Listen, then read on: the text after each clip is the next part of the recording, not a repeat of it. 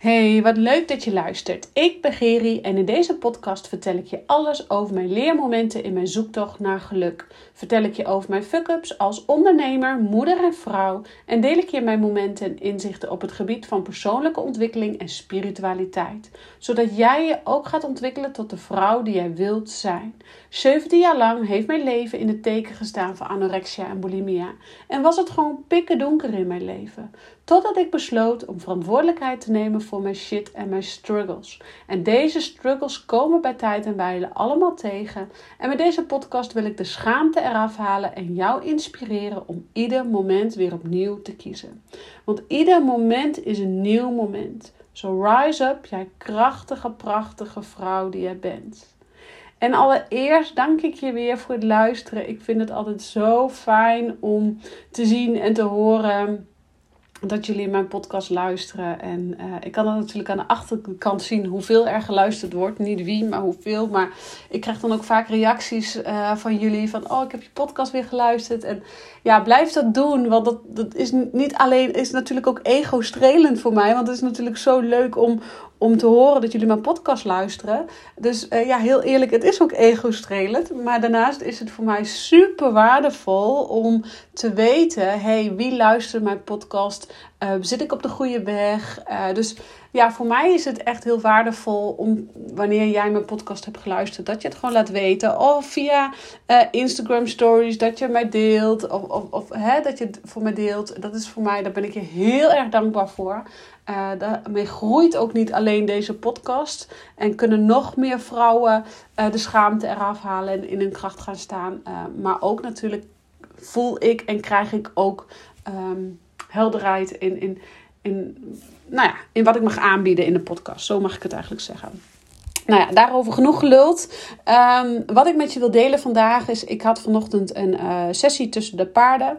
En uh, vandaag was de sessie tussen de paarden. En die ontstond eigenlijk heel um, onverwachts eigenlijk. En um, want ik was daar tussen de paarden. En um, ja, het was wel de bedoeling dat ik een coachsessie zou gaan geven. Uh, maar vandaag dit keer met een nieuw paard. En een, uh, waar ik nog niet mee gecoacht had. Dus voor mij was het ook wel even aftasten. En dan neem ik altijd eerst even de tijd om met het paard af te stemmen. En uh, maar ook wist niemand van de stal daar of dit paardje, uh, Gritte heet zij, of Gritte uh, klaar voor was om überhaupt te coachen. Dus het was voor alle partijen, zowel voor het paard als voor mij, als voor de coachie, allemaal hartstikke nieuw. En voordat de coachie kwam, had ik even dus tijd om met Gritte in de bak te gaan. En uh, Gritte liet eigenlijk direct al, um, ja, direct eigenlijk al seintjes en signalen zien op het moment dat ik haar uit de wei haalde al. En normaal gesproken wil ik ook nog wel eens coachen in de wei tussen de kudde. Uh, daar gaat mijn voorkeur eigenlijk naar uit. Maar vandaag waren een paar uh, uh, beestjes, om zo maar even te een paar ponies op de, in de kudde die, waarvan de eigenaren hebben aangegeven dat er niet mee gecoacht mag worden. Um, dus dan doe ik uit respect voor uh, de eigenaren van sommige paarden, neem ik dan een paard mee de bak in. En in de bak, uh, ja, dan laat een paard gewoon vliegensvlug van allerlei seintjes en uh, ja, seintjes eigenlijk zien. En soms zo snel dat wij als mensen het met het blote oog niet, niet eens waar kunnen nemen. En paarden zijn natuurlijk uh, of paarden vluchten of paarden staan rustig uh, te grazen. Hè? En dan hebben ze eigenlijk, als je de kudde kijkt, dan zijn er altijd één of twee die uh, van de kudde, of misschien wel ligt eraan hoe groot de kudde is, zijn er altijd één of twee die, die in de overlevingsstand staan, om zo maar even te zeggen. Dus als er wat gebeurt, hè, de paarden kennen alleen maar vluchten of rennen, galopperen en maken dat je wegkomt. Oh, sorry, hè, dus, dus, die kijken eigenlijk, oh, er is wat aan de, aan de hand en we moeten vluchten. We moeten maken dat we wegkomen. Dus vluchten, dat kunnen paarden eigenlijk als de beste. Dat doen ze ook met de kudde. Dus er zal altijd twee paarden of meer, of misschien één paard. Ik weet niet hoe paarden dat onderling met elkaar regelen. Maar er zal altijd wel um, dat, dat een aantal paarden dus in de overlevingsstand staan. Hè? Die, die staan echt letterlijk te kijken van hé, wat gebeurt er? En die houden alles in de gaten. En er zijn een paar paarden die, die dus dan op dat moment mogen grazen, mogen liggen, mogen slapen, mogen uitrusten om bij te komen. En dat is natuurlijk een, een doorgaand cyclus tussen de kudde. En waarom ik je dit uitleg, um, wordt zometeen duidelijk. Want um, ik was dus al in de in de paardenbak met Gritten. Gritten is een fjord. Misschien zeg je dat wat, misschien zeg je dat helemaal niks. Maar het is een superleuk beest. En um, heel stiekem, ik ben eigenlijk best wel een beetje verliefd op Gritten. Omdat Gritten gewoon zo goed aanvoelt wat er nodig is. En um, nou, dat was dus de eerste keer met Gritten. Dus voor mij was het ook een beetje spannend. En um, ja, dan neem ik dus echt even de tijd met haar. En zij uh, liet mij direct al uh, signalen zien dat ik ook even uit mijn hoofd mocht gaan en in mijn gevoel mocht zakken. Want ik zat ook in mijn hoofd en met van alles wat ik nou, vanochtend vroeg al heb meegemaakt, bij wijze van spreken met de kinderen, om de kinderen op school te krijgen. Ik zeg maar even, je kent het wel als moeder zijnde. Um, maar ook afgelopen dagen, dat ik best wel veel in mijn hoofd ben gaan zitten in plaats van in mijn lichaam. En dat, dat hebben wij bij tijd en wijlen eigenlijk heeft iedereen dat gedurende de dag. Alleen uh, hoe bewuster jij in het leven staat, hoe bewuster jij van jezelf wordt, hoe beter jij ook dus in je lichaam kan blijven. Want in je lichaam, daar zit gevoel, daar zit kracht, daar zit stroming, daar zit plezier, daar zit joy. Maar gedurende de ochtend eigenlijk al, naarmate je ontwaakt, komen wij eigenlijk in de staat van, van in je kopie leven, in je hoofd leven. En dan, dan hè, hoe langer de dag duurt, hoe verder de dag vordert, hoe meer jij in je kopie zit.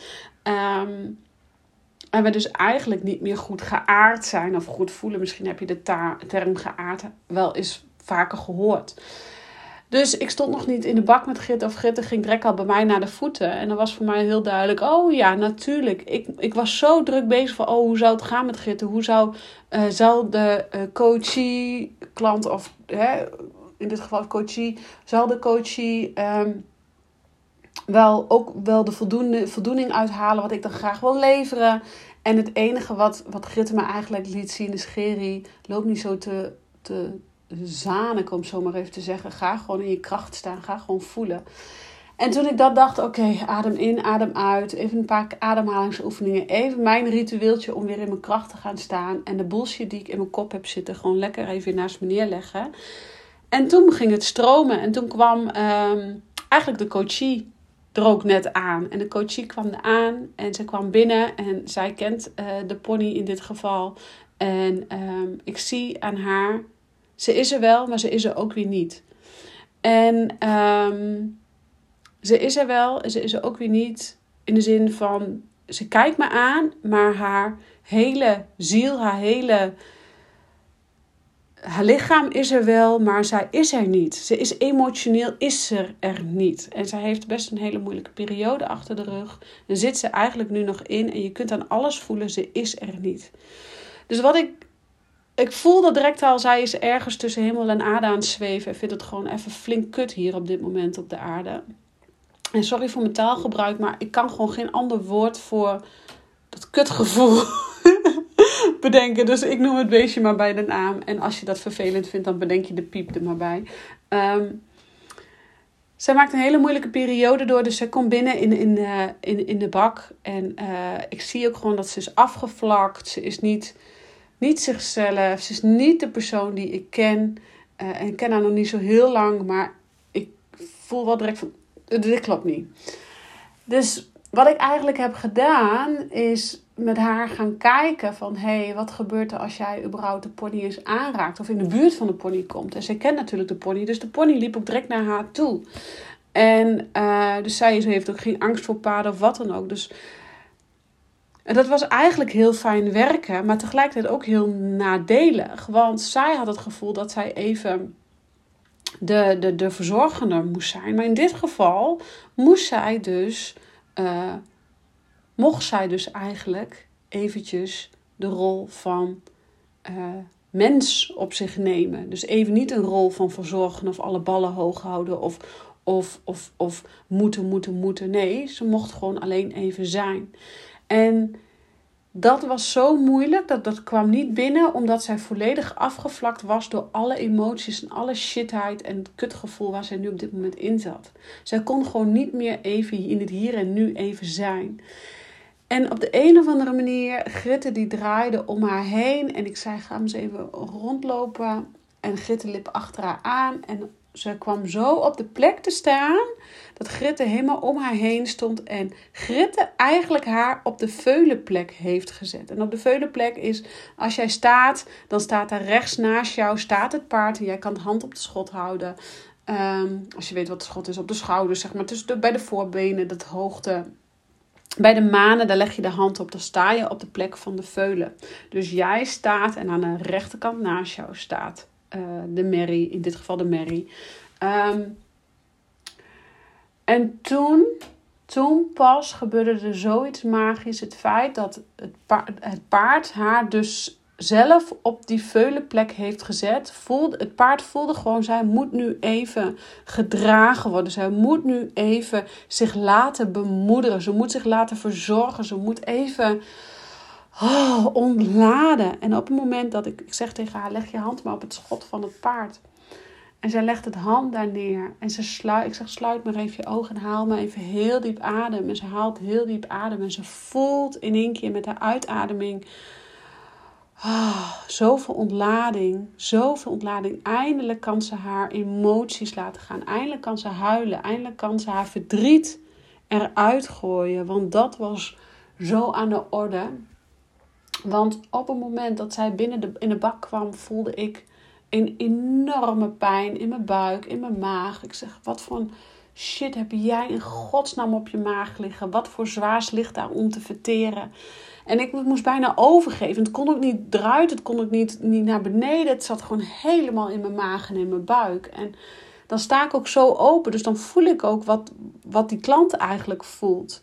En um, nou, daar hebben we daar even over gehad. Dus op het moment dat zij op die, op die die veulenplek staat, zie ik letterlijk, ik zie letterlijk gewoon uh, de, de, de buik draaien, in beweging komen van het paard.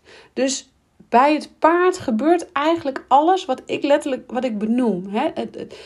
De draaiing van de buik, de beweging in de buik. En op dat moment dat zij dus op de veulenplek staat. En daar kon zij loslaten. Daar kon zij ontladen. En dit is ook de reden waarom ik deze podcast met je deel. Want het is zo belangrijk om te kunnen ontladen. Want na die ontlading, toen pas voelde zij zich weer in haar kracht komen. Toen hebben we nog wat enkele oefeningen meer gedaan.